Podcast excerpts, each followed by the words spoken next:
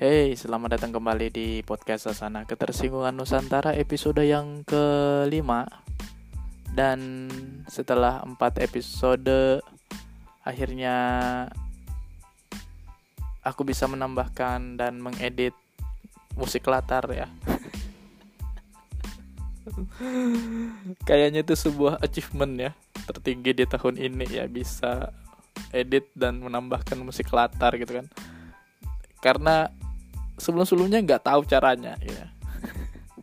Makanya empat episode sebelumnya itu bukan karena sengaja nggak ada musik latarnya tapi kan memang nggak tahu caranya gitu simple nggak tahu caranya. Dan um, sudah ditambahkan juga musik latar di empat episode sebelumnya ya. Jadi silahkan buat teman-teman yang pengen mendengarkan ulang versi yang ada musik latarnya gitu. Loh iya. Kenapa tidak gitu ya? Uh, Avenger Endgame aja merilis ulang hanya menambahkan cutscene cutscene saja gitu kan. Ya silahkan ya. Didengarkan ulang kayak gitu kan. Ditonton ulang untuk Avenger kan. Ya. Semuanya demi apa ya? Mengejar avatar ya Avenger ya pendapatannya semua hal dilakukan ya. Nah saya juga mengambil langkah ya langkah besar gitu ya menambahkan musik latar.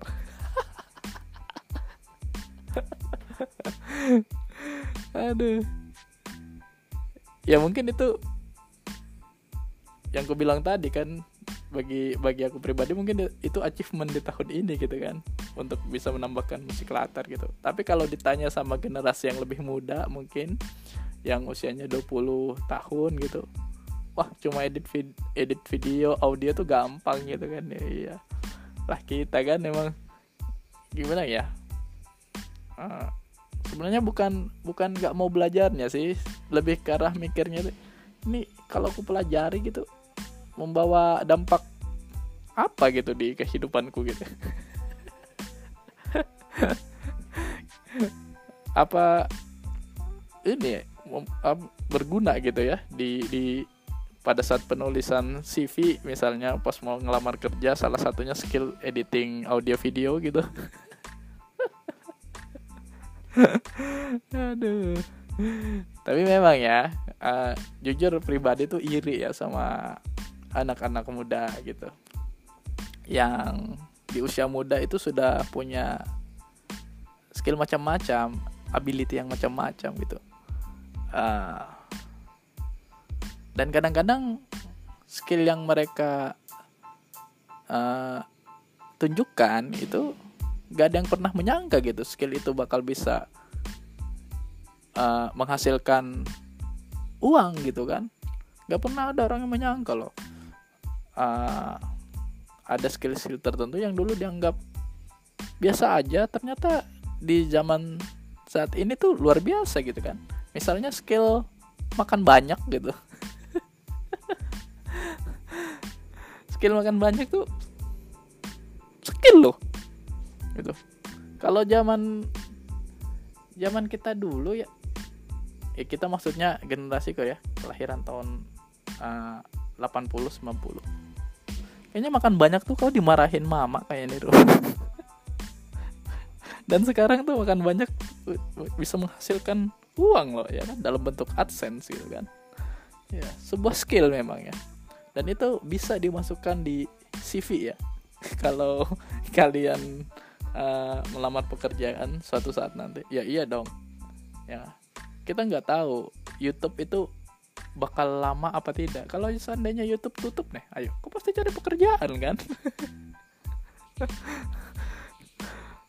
Uh, apa lagi ya skill kalau ngomongin skill tuh. Um, ya ini game. Ya jadi gamer tuh skill benar tuh ya. Karena aku juga main game gitu kan tapi nggak terlalu suka untuk game yang online tuh. Senangnya main game sendiri gitu. Gak ada musuhnya. Lebih suka lawan komputer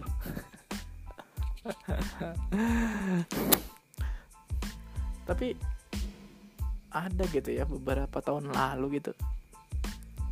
Um, pernah kenal dengan perempuan gitu kan. Dia tuh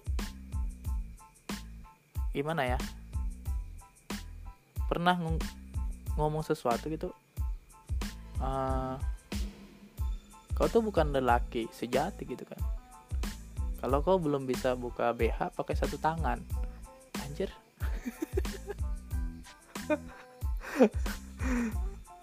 Itu aku mencoba mencernanya gitu kan. Wah ini skill yang dibutuhkan di dunia apa gitu kan? Di dunia rumah tangga mungkin ya. Tapi kok itu menjadi penting gitu kan ya penting mungkin bagi dia yang yang ngomong kayak gitu gitu kan buka BH pakai satu tangan gitu kan tanpa melihat lagi kan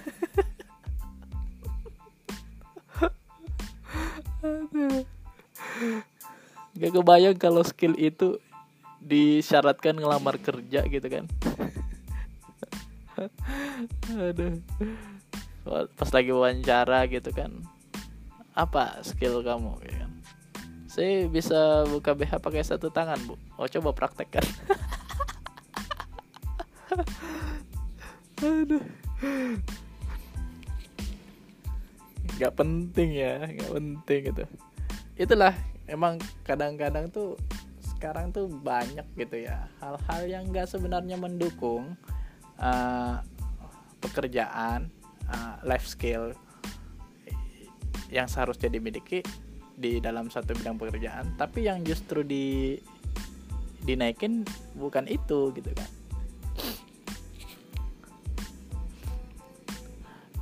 Contohnya misalnya di Instagram gitu kan. Banyak banyak banyak banyak sekali gitu kalau di explore tuh akun-akun yang yang uh, berbasis pekerjaan kayak akun-akun yang berbasis pekerjaan kayak abdi negara gitu kan. PNS gitu. Uh, polisi gitu kan. Itu oke okay sih nggak masalah. Yang masalah itu kalau ada embel-embelnya misalnya PNS cantik PNS ganteng polisi cantik polisi ganteng. Apa korelasinya ya tampilan fisik muka ya terutama. Dengan pekerjaan itu sama sekali tidak ada gitu kan ya ya nggak ada gitu kan. Kalau tadi jadi seorang model oke okay, gitu kan. Nggak nggak masalah gitu. Kok ada gitu ya orang yang yang buat akun kepikiran buat akun seperti itu gitu mengumpulkan foto-foto PNS cantik se Indonesia uh, polisi cantik se enggak deh polisi nggak cantik ya polwan cantik se Indonesia gitu kan. Dan yang PNS berlomba-lomba gitu kan upload fotonya ke situ ya. Ya nggak apa sih media sosial memang untuk narsis kan. Nah kayak gitu. Cuma itu yang kembali tadi kayaknya uh, hal itu gitu ya cantik ganteng itu nggak nggak nggak ada korelasinya sama sekali dengan pekerjaan itu gitu. Nggak nggak diperlukan. Tapi kok bisa ada diksi yang seperti itu gitu? Bingung. Lihat lihat perkembangan uh, zaman sekarang nih. Ya mudahan aja setelah aku ngomong gini nggak ada PNS maupun polisi yang tersinggung ya. uh, mau bahas apa ya? Uh, di tempat kita ini kan di kota kita ini di Bro ini kan kemarin lagi rame gitu.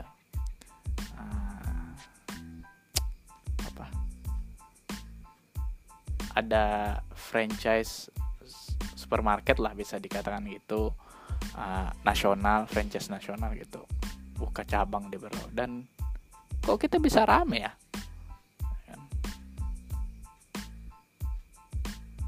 Rame dalam hal entah itu yang pro maupun kontra ya. Yang pertama yang ramenya itu uh,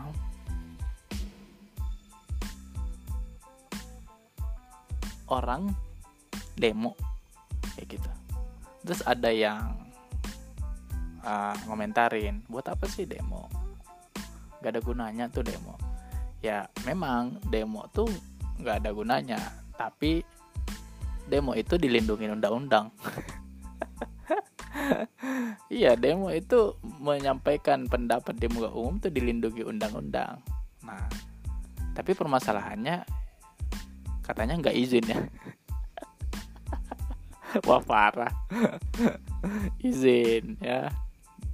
Jadi semuanya itu legal gitu kan jadi bias gitu kan. Yang kita kontrain itu apa sih? Demonya atau keberadaan uh, supermarket itu gitu kan.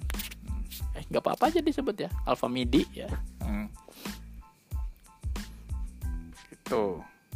Um, dan di tengah rame-rame itu ternyata setelah hampir hampir sebulan ya sebulan ya udah biasa aja. Dan siapa sih yang paling diuntungkan dengan rame-rame itu? Ya supermarket itu sih sebenarnya kan. Gara-gara kalian ribut di kolom komentar uh, salah satu akun kota gitu kan. Secara tidak langsung itu mempromosikan supermarket itu loh. Kalian sadar apa tidak gitu kan aduh. Ya iya dong. Kalau kalian perhatikan tuh awalnya liputannya hmm, unjuk rasa ya kan gitu. Kemudian uh, kayak masih apa ya kayak masih ngatain tapi nggak ngatain uh, foto brosur dari supermarket gitu dan beberapa hari kemudian eh brosurnya udah dalam bentuk digital. Di endorse. Aduh. Bagaimana? Tidak mungkin. Akhirnya aku berpikir kayaknya itu sengaja dibuat ramai ya tapi caranya itu halus cerdas.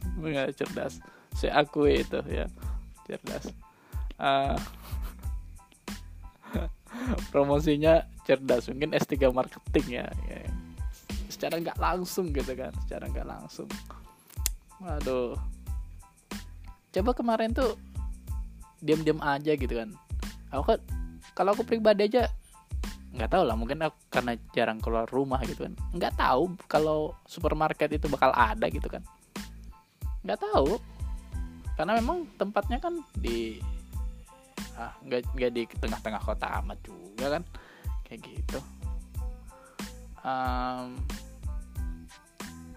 taunya ya dari media sosial gitu kan. Nah itulah dahsyatnya media sosial itu gitu. Nah maksud kita itu ya kenapa sih kalian harus nimbrung gitu kan di di kolom komentarnya. Masuk jebakan Batman loh kan.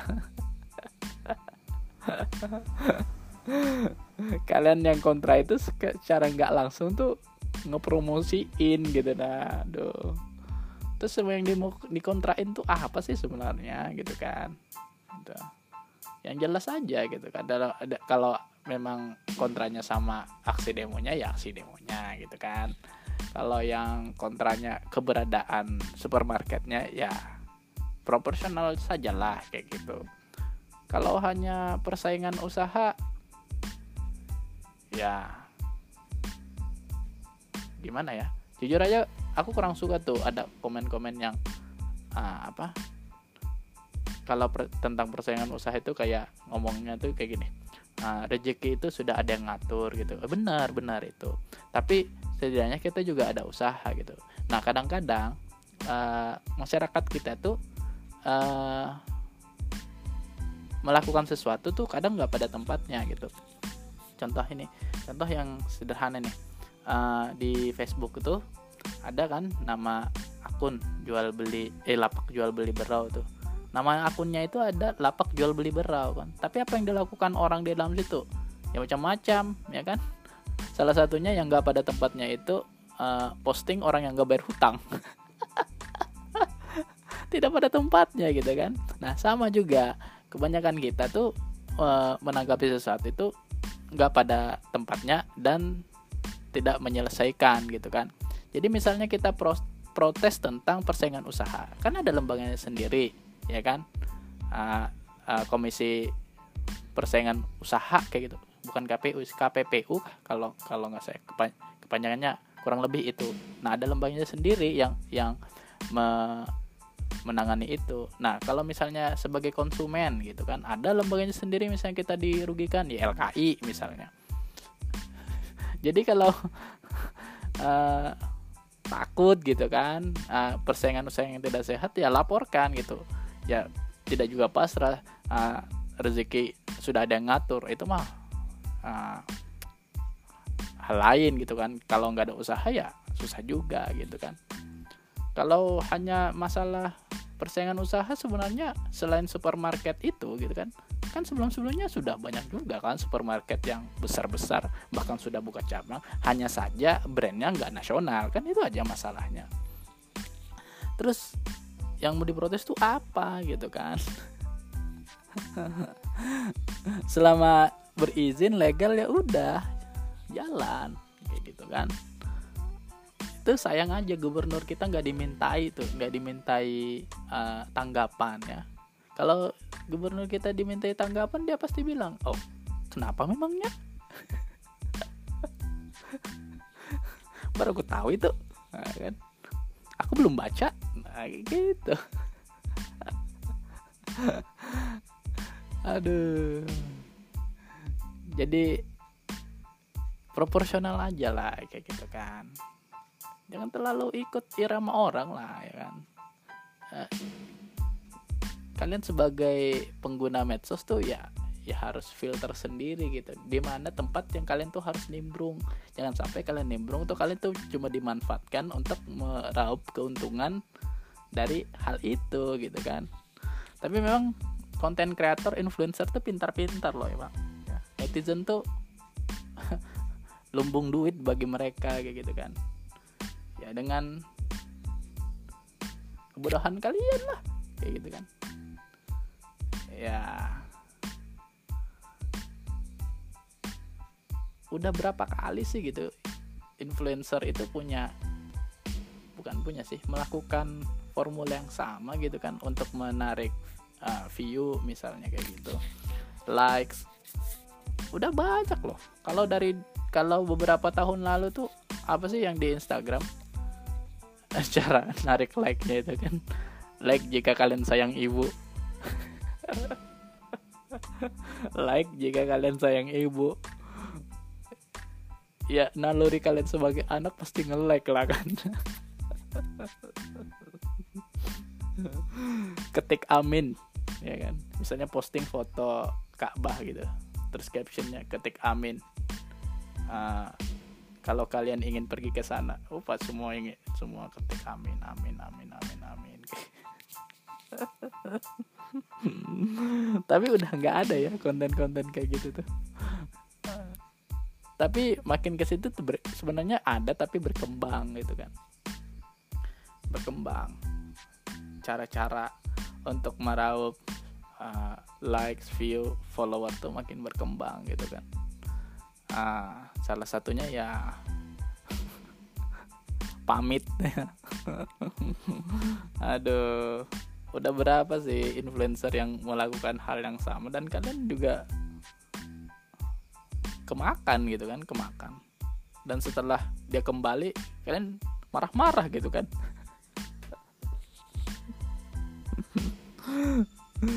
ya salah kalian sendiri kejebak gitu kan.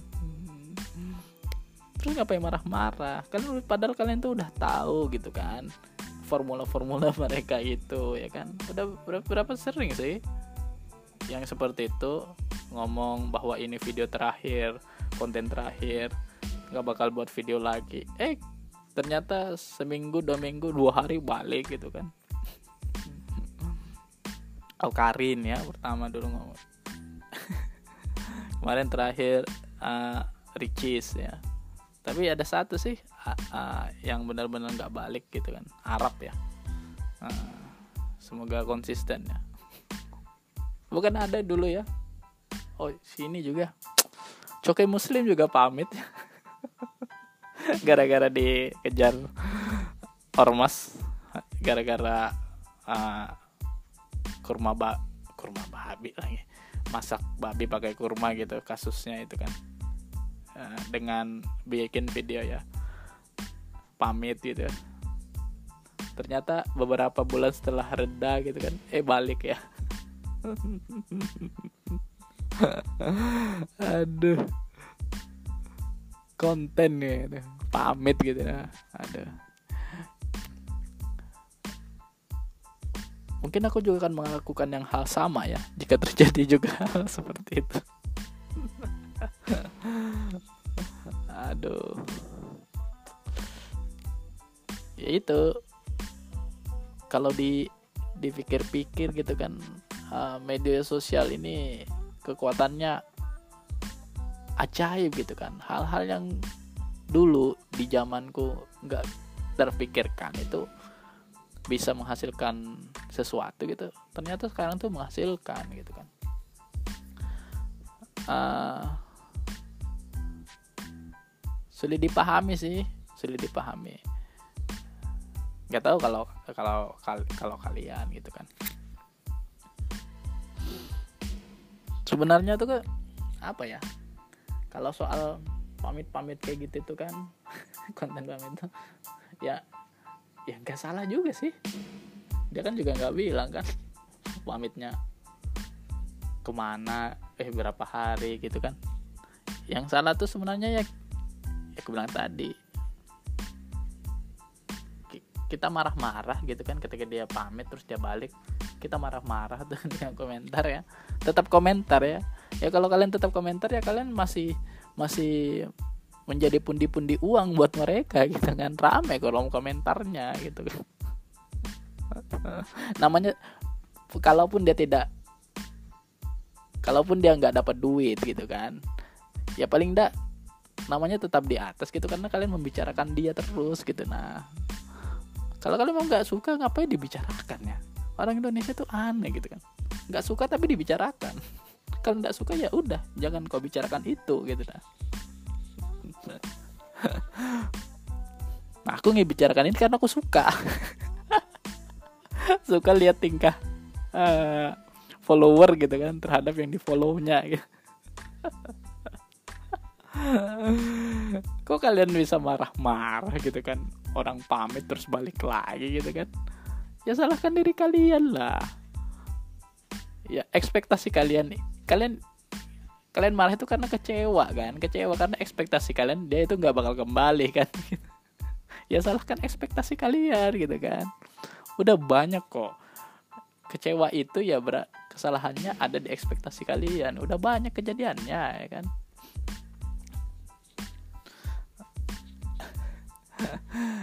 Jadi ya itulah kalau memang kalian nggak suka ya udah jangan ditonton kayak gitu kan. Uh, jangan ikut komentar gitu kan. Gitu. Tahanlah dari kalian. Jangan jangan sampai kalian itu ikut berandil gitu kan. Ya.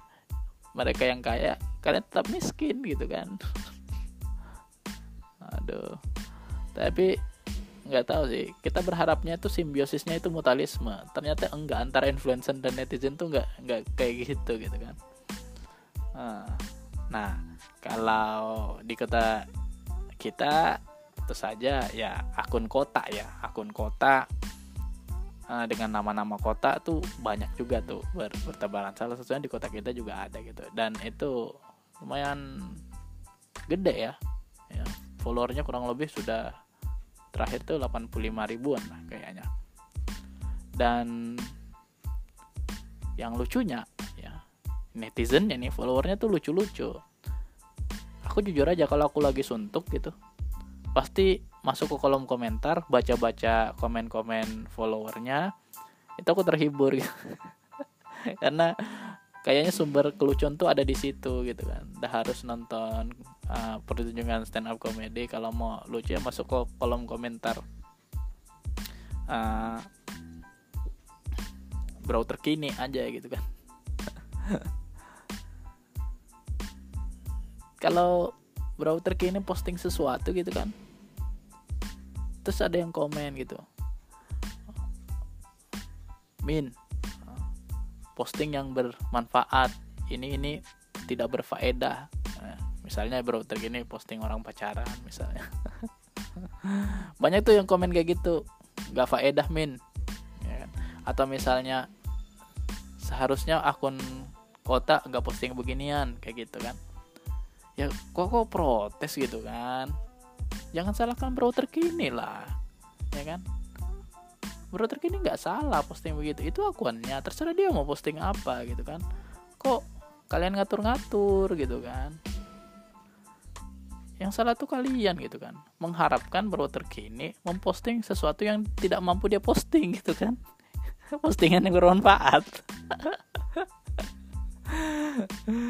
Aduh.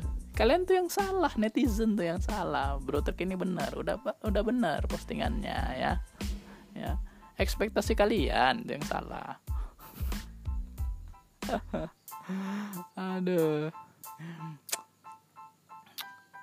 tapi memang kan uh, media sosial tuh candu candu dan mempengaruhi kesehatan mental. Toh udah tuh. Jangan terlalu banyak sih uh, main medsos ya. Tapi selama medsos tuh bikin bikin bahagia ada juga yang mencari kebahagiaan di media sosial. Tempat sit post juga ada. Uh, ya nggak masalah sih. Nggak masalah. Nah yang yang masalah tuh ya itu netizen netizen yang banyak protes gitu. Protes nggak pada tempatnya tuh kalian tuh. Kayak ya kayak tadi gitu kan. Protes tuh nggak pada tempatnya gitu kan. Aduh.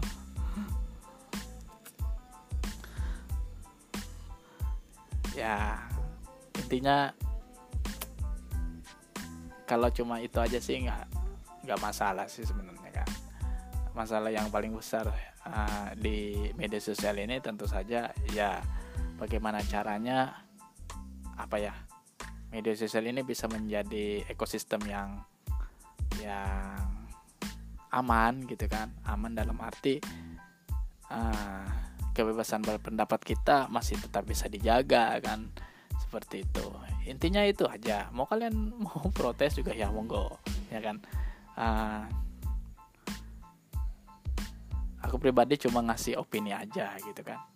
Karena di media sosial ini yang paling penting sebenarnya bagaimana caranya ya uh, di masa yang akan datang undang-undang ITE ini bisa mungkin dikaji ulang atau bahkan dihapus kalian karena beberapa tahun terakhir uh, undang-undang ITE ini justru menjadi alat gitu ya menjadi alat untuk menjatuhkan seseorang.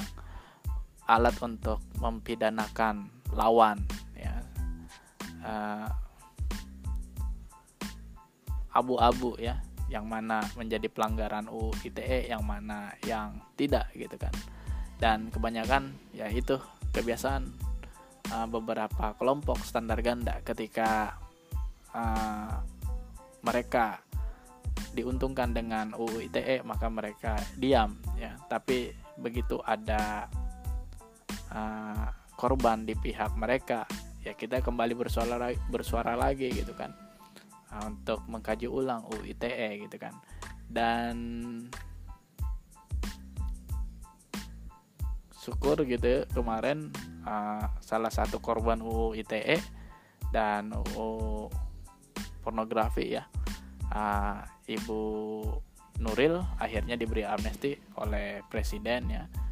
Ya kalau kalian ingin tahu kenapa masalahnya ya silahkan dicari di portal-portal berita. Intinya yang bersangkutan uh, korban tapi justru yang dipidanakan ya gara-gara undang-undang pornografi dan ITE um, sebagai penutup ya itu saja sih. Ya uh, intinya. Um,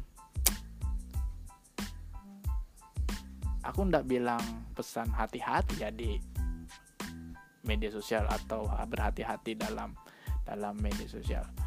Intinya tuh apa pun yang kalian uh, posting di media sosial itu menjadi haknya kalian gitu kan kalaupun ada pihak-pihak yang mungkin tersinggung dengan postingan itu ya sebenarnya tidak akan bisa dihindari gitu kan. Ya siapa yang bisa apa namanya mengantisipasi ada yang tersinggung ada yang mana kita tahu kan kayak gitu. Ya. Nah sebenarnya bermasalah ini ya kembali ke orang-orang yang tersinggung tadi gitu kan.